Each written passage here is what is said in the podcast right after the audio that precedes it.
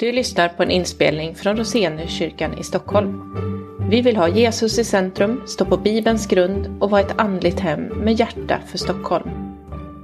Vill du veta mer om Roseniuskyrkan? Kolla in vår hemsida eller hitta oss på Facebook. Du är också hjärtligt välkommen till en av våra gudstjänster, söndagar klockan 11. Dagens eh, brevtext som jag också ska predika över kommer från Hebreerbrevet kapitel 4, verserna 14 till 16. När vi nu har en stor överstepräst som har stigit upp genom himlarna, Jesus, Guds son, låt oss då hålla fast vid vår bekännelse. Vi har inte en överstepräst som inte kan ha medlidande med våra svagheter, utan en som har varit frestad i allt liksom vi, fast utan synd. Låt oss därför frimodigt gå fram till nådens tron för att få barmhärtighet och finna nåd till hjälp i rätt tid. Så lyder Herrens ord. Gud, vi tackar dig. Ja, Gud, vi tackar dig för ditt ord. Tack för att det är levande, att det är verksamt, att det gör skillnad när det eh, läses och när det sjunker in i våra liv. Så nu ber vi att du hjälper oss att förstå vad du vill säga till just oss just idag. Hjälp oss att tro och lita på dig. Vi ber i Jesu namn. Amen.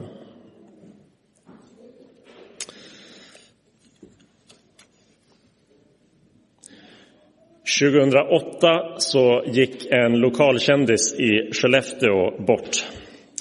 Han kallades för Burk-Kurt. Och alla som bodde i Skellefteå mer eller mindre visste vem Burk-Kurt var. Man hade sett honom när han under egentligen 40 års tid hade gått runt och samlat på just burkar och pantat för att få pengar. Han hade trasiga gamla kläder, han luktade inget vidare. Ehm, människor visste vem han var, men det var inte en sån typ som människor direkt spontant drogs till. Varje dag gick han till biblioteket och läste dagstidningen eftersom han inte ehm, Ehm, betalade för någon egen tidning själv. Men vad nästan ingen visste var vilka sidor i tidningen det var han var ute efter att läsa. Det var inte nyheterna, det var aktiekurserna. Och när Burk-Kurt gick bort 2008 visade det sig att han var god för 12 miljoner. Man hittade alltså guldtackor i hans lägenhet. Kurt hade tillgångar som de flesta av oss bara kan drömma om. Men han använde dem aldrig. Han drog ingen nytta av dem i vardagen, utan lät dem bara ligga.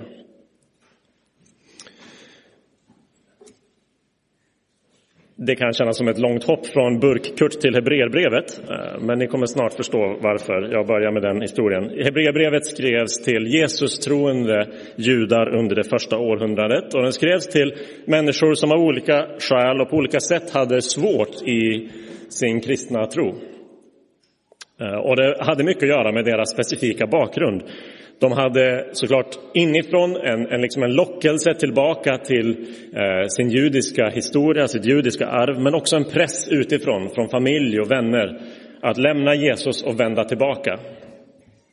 De hade med andra ord olika svårigheter och utmaningar, en kamp att kämpa och brevet eh, är fullt av uppmaningar till de kristna att stå kvar vid Jesus. Att inte glömma bort vad de har vid Jesus. Och i de här verserna, de tre verser vi läste, 14, 15 och 16, så, så uppmanas eh, läsarna, och idag är det vi som är läsarna, eh, så uppmanas vi två gånger att ta vara på tillgångar som vi har. När vi nu har, låt oss då. Den liksom, logiken finns upprepad i det här korta avsnittet två gånger. När vi nu har det här, låt oss då ta vara på det vi har tillgångar som kristna. Låt oss ta fasta på dem och använda dem i mötet med de utmaningar vi har och inte bara låta dem ligga och vara eh, oanvända. Och det är två slags utmaningar som vi idag också delar med Hebreerbrevets första läsare. Eh, där de tillgångar som vi har i Jesus är relevanta, de är användbara, de är kanske till och med avgörande. Den första kampen, eller den första utmaningen som vi delar med eh, de första läsarna är kampen mot otron. Och den andra utmaningen är kampen mot synden. Och jag tänkte att vi ska ta dem i tur och ordning. Eh, vill du ha bibeltexten framför dig i en pappersbibel eller i en mobilapp så kan du eh, ha det och så kan du titta på vers 14 nu. Där ser vi utmaningen eller kampen mot otron. När vi nu har en stor överstepräst som har stigit upp genom himlarna, Jesus, Guds son, låt oss då hålla fast vid vår bekännelse. Så ni ser uppmaningen, vi ska hålla, hålla fast vid vår bekännelse, hålla fast vid vår tro. Den sortens uppmaning eh, ges ju, betyder ju att, eh, att det kan vara svårt. Man ger inte den uppmaningen om den inte behövs. Det kan vara svårt att tro, svårt att fortsätta tro, svårt att stå fast och vara uthållig i tider när man tycker att man inte märker av eh, tron, när det inte känns så verkligt som man skulle önska. Det kan vara svårt att stå kvar i en kristen tro i en omgivning som lockar med allt möjligt annat. Och, eh, om den inte rakt ut säger åt en att, att lämna Jesus åt sidan så, så visar den en massa annat som man kan ägna sig åt och hålla sig till och ge sitt liv åt. Så vi kan verkligen känna av den där kampen. Kampen mot otron i oss och otron utanför oss som säger ah, släpp, släpp det där nu, det är inte lönt.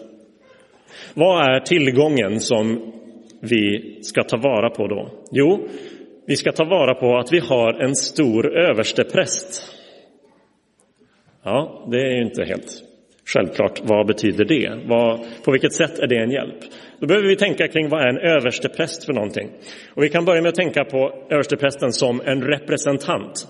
Överallt i det mänskliga livet så använder vi oss av representanter. Vi tycker om att ha en person som, som i, i ett enda liv och i sin, liksom, sin kropp och sin kanske yrkesroll eller på annat sätt symboliserar, förkroppsligar, representerar alla oss.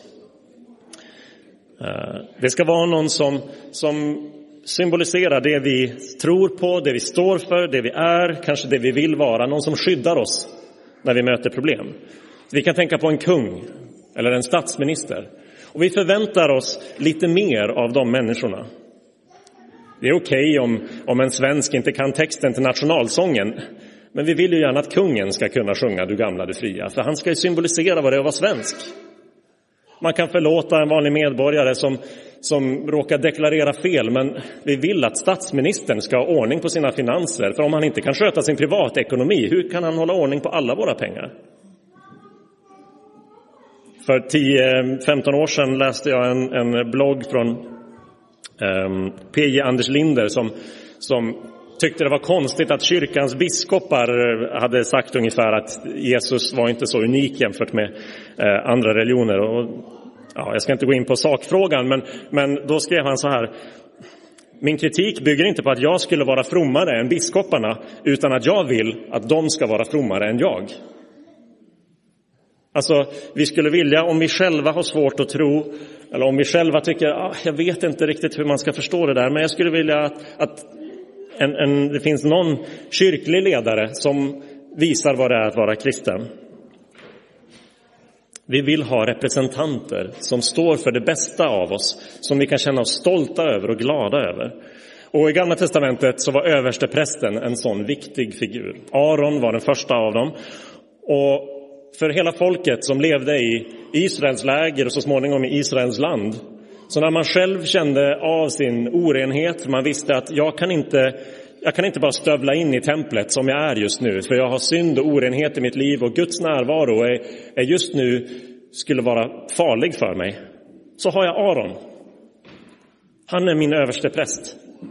Han står för allt det bästa i Israel. Och, och, han har offrat för sin egen synd och för vår synd och han kan gå in i Guds närvaro. Och på sin, på sin dräkt så bär han tolv stycken stenar som symboliserar alla stammarna och familjerna i Israel.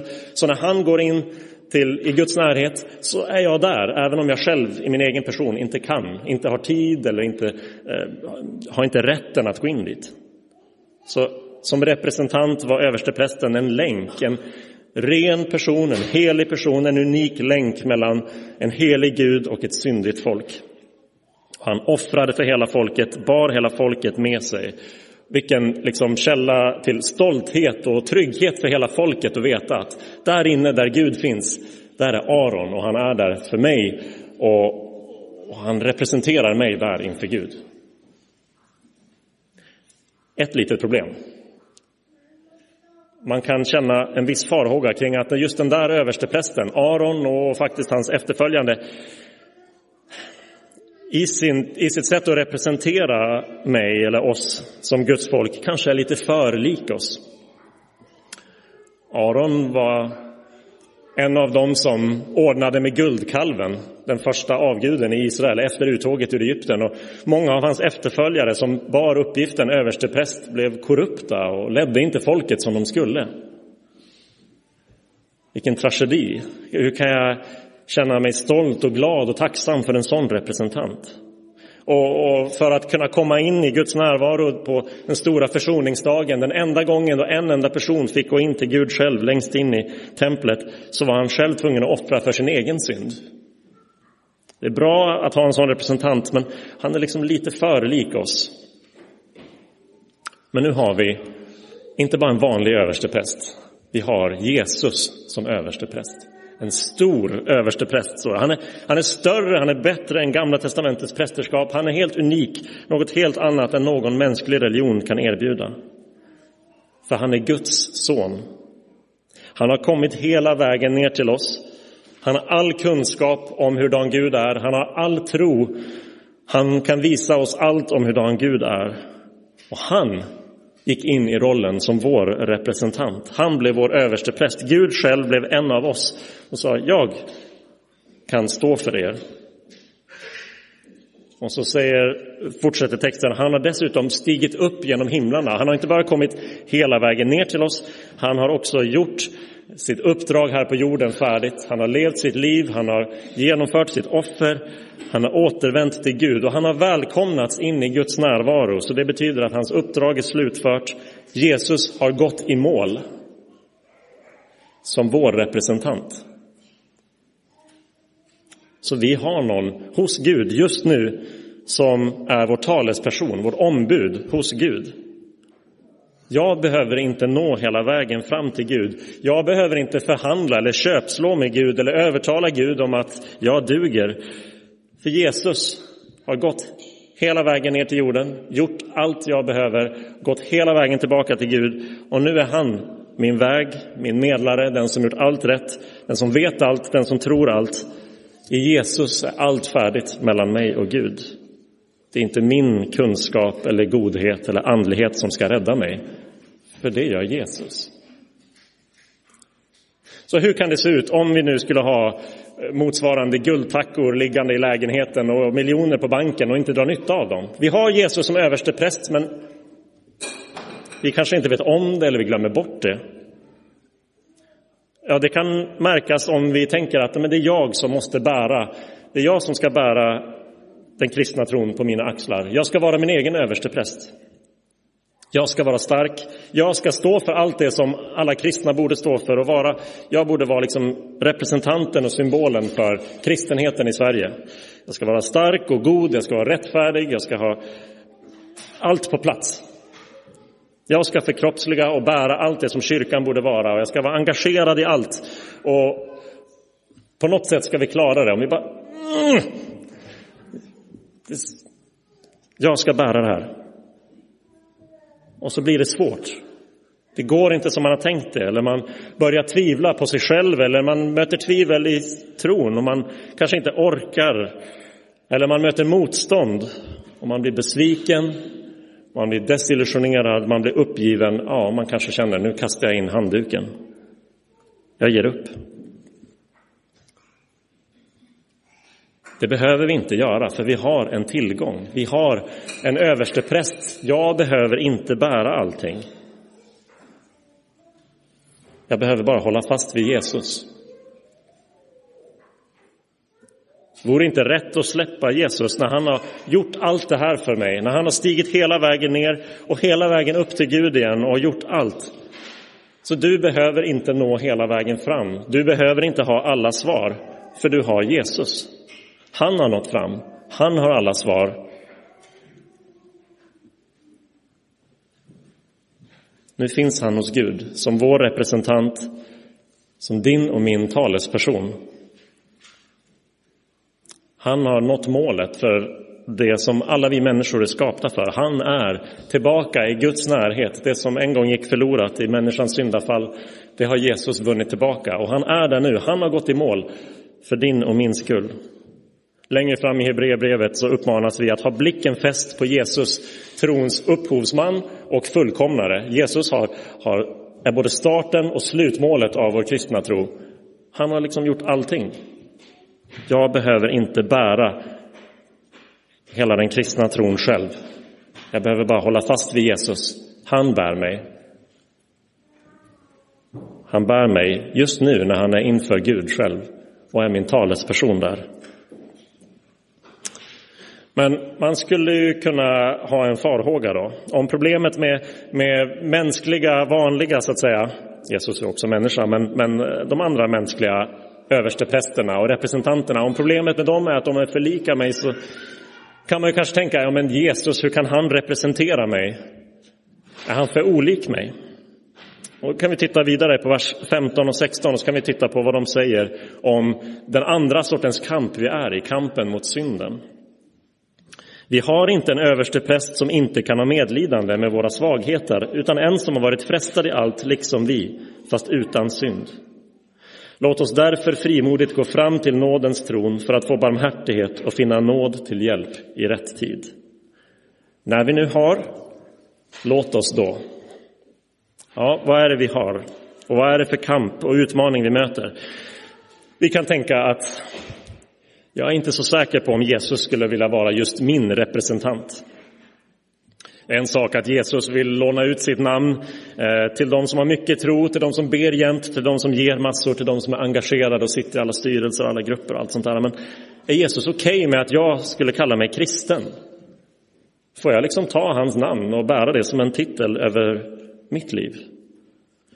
Hur blir det om jag liksom gång på gång återvänder till tankar och fantasier och tankemönster som jag vet inte behagar Gud? Eller om jag använder mina ord på ett sådant sätt att jag sårar människor i min närhet, om jag är hård och kärlekslös när jag pratar? Eller om jag har svikit vänner när de har behövt mig, eller om jag har varit en ouppmärksam förälder? Kan Jesus representera mig då? Vi kämpar alla med synd på olika sätt. Konkreta saker, djupare attityder eller djupa sätt att vi, vi vill klara oss utan Gud. Vad har vi för tillgång i den kampen? Vi har en medkännande överstepräst. Vi har inte en präst som inte kan, överstepräst som inte kan ha medlidande. Det är trixigt med en dubbelnegation. Du kan ta bort båda inte. Vi har en överstepräst som kan ha medlidande. Och det är bara hur underbart som helst. Att Jesus är hos Gud just nu har gått i mål och han har medlidande med dig och mig. Medlidande är mycket mer än en teoretisk kunskap. Det är inte bara det att Jesus känner till att vi har kämpigt med synd. Han känner det. Han har medlidande med oss. För han blev ju en av oss. Det är så han kunde bli vår överstepräst, vår representant, för att Gud själv blev människa och han blev frestad i allt, liksom vi. Så det finns ingenting jag möter under veckan där jag kan säga ah, Jesus har ingen aning. Jo, han har faktiskt mer än en aning, han har medlidande. Han frestades i allt men blev utan synd. Det är så så viktigt av flera skäl. Om Jesus blev frestad i allt men blev utan synd så betyder det att frestelse och synd är två olika saker. Det är jätteviktigt att känna till som kristen. Om jag har frestats på alla möjliga sätt och jag har stångat mig blodig mot alla frestelser och verkligen fått kämpa för att hålla emot så kan jag ändå ha haft en bra dag. För det är möjligt att vara frestad utan att synda. Jag behöver inte känna mig smutsig eller misslyckad när jag har frestats. För det gjorde Jesus också. Men det är också betydelsefullt av ett annat skäl, nämligen att det finns någon som klarade av att stå emot frestelserna. Vi gör det inte alltid, kanske inte ens särskilt ofta. Men Jesus klarade det. Och det är den som har stått emot som vet exakt hur stark frestelsen är.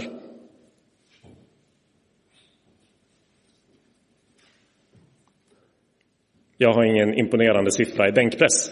Så det betyder att, eh, jag vill nog inte ens använda några, sätta några siffror på det, men, men alla vikter som jag inte klarar av känns ju alla för tunga för mig. Och det spelar ingen roll om det är 100 eller 180 kilo, det är ju bara för tungt. Men den som bänkar 250, om det finns någon sån eh, här inne eller där ute, vet ju exakt vad varje börda innebär och är starkare än den. Jesus har klarat bördan. Han vet hur svår den är, bättre än jag själv när jag har misslyckats. Och han kan hjälpa mig i den riktningen. För han har segrat och han är vår, han är vår representant. Jesus frestades i allt precis som vi, men klarade det.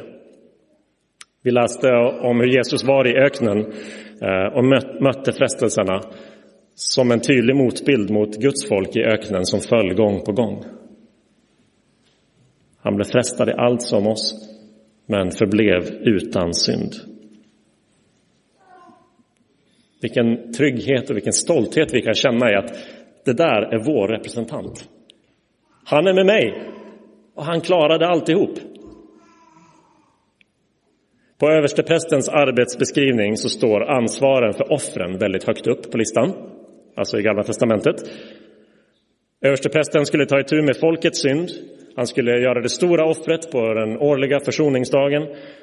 Men innan han kunde offra för folket var han tvungen att offra för sin egen synd. Men det behöver inte Jesus. När Jesus gick i döden på Golgatas kors var det inte för att sona sin egen synd.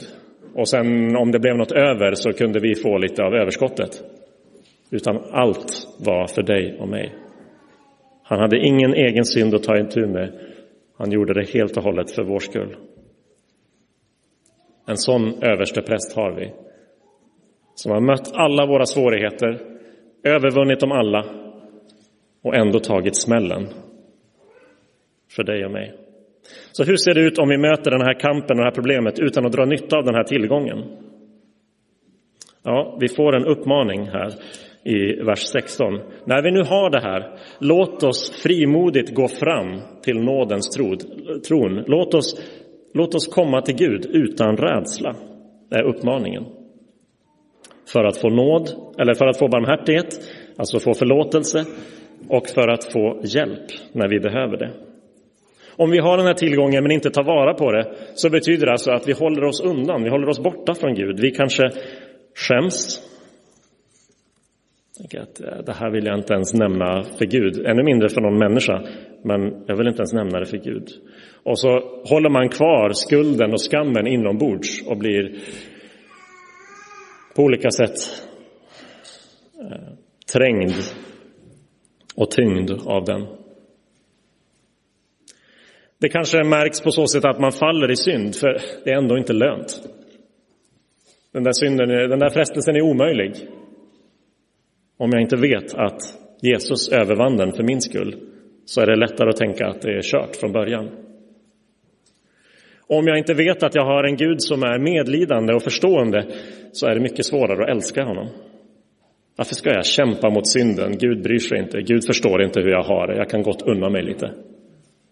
Men om jag vet att Gud själv i Jesus som överste präst för min skull har frestats i allt och har medlidande så kan det faktiskt vara värt att kämpa, för han vann. Och vill hjälpa mig.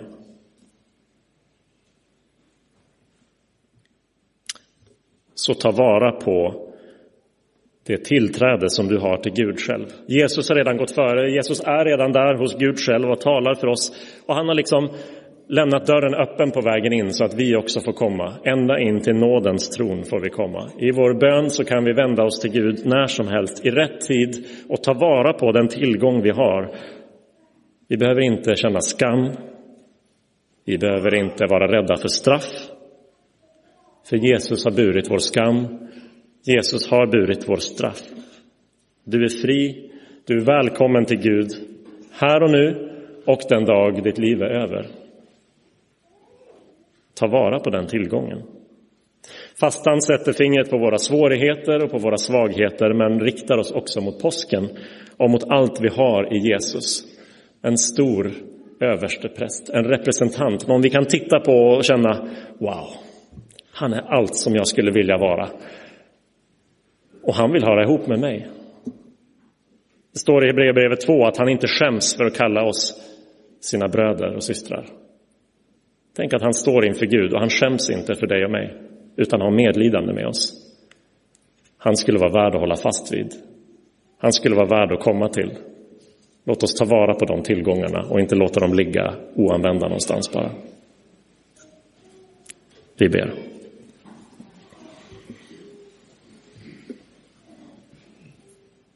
Jesus, tack för att du vill vara vår representant och stå för oss. Tala för oss. Att du ville leva för oss, att du ville dö för oss. Att du uppstod igen till nytt liv och har återvänt till Gud för vår skull. Tack för att du inte skäms för oss, utan har medlidande med oss. Hjälp oss att ta vara på de tillgångar vi har i dig. Hjälp i kampen mot otron, hjälp i kampen mot synden. Ja, Gud, du ser oss som är här inne i Roseniuskyrkan idag och de, eh, oss alla som, som följer eh, livesändning eller hör detta i efterhand. Och du ser på vilka sätt de här kamperna finns i våra liv. På vilka sätt det är svårt att tro. På vilka sätt vi har det svårt med synden just nu. Tack för att du har vunnit de kamperna för oss. Tack för att du kan ha medlidande med oss. Tack för att du kan hjälpa oss. Tack för att du kan förlåta oss. Tack för att vi är välkomna ända in hos Gud. Vi vill ta vara på det, Jesus. Hjälp oss, vi ber. Amen.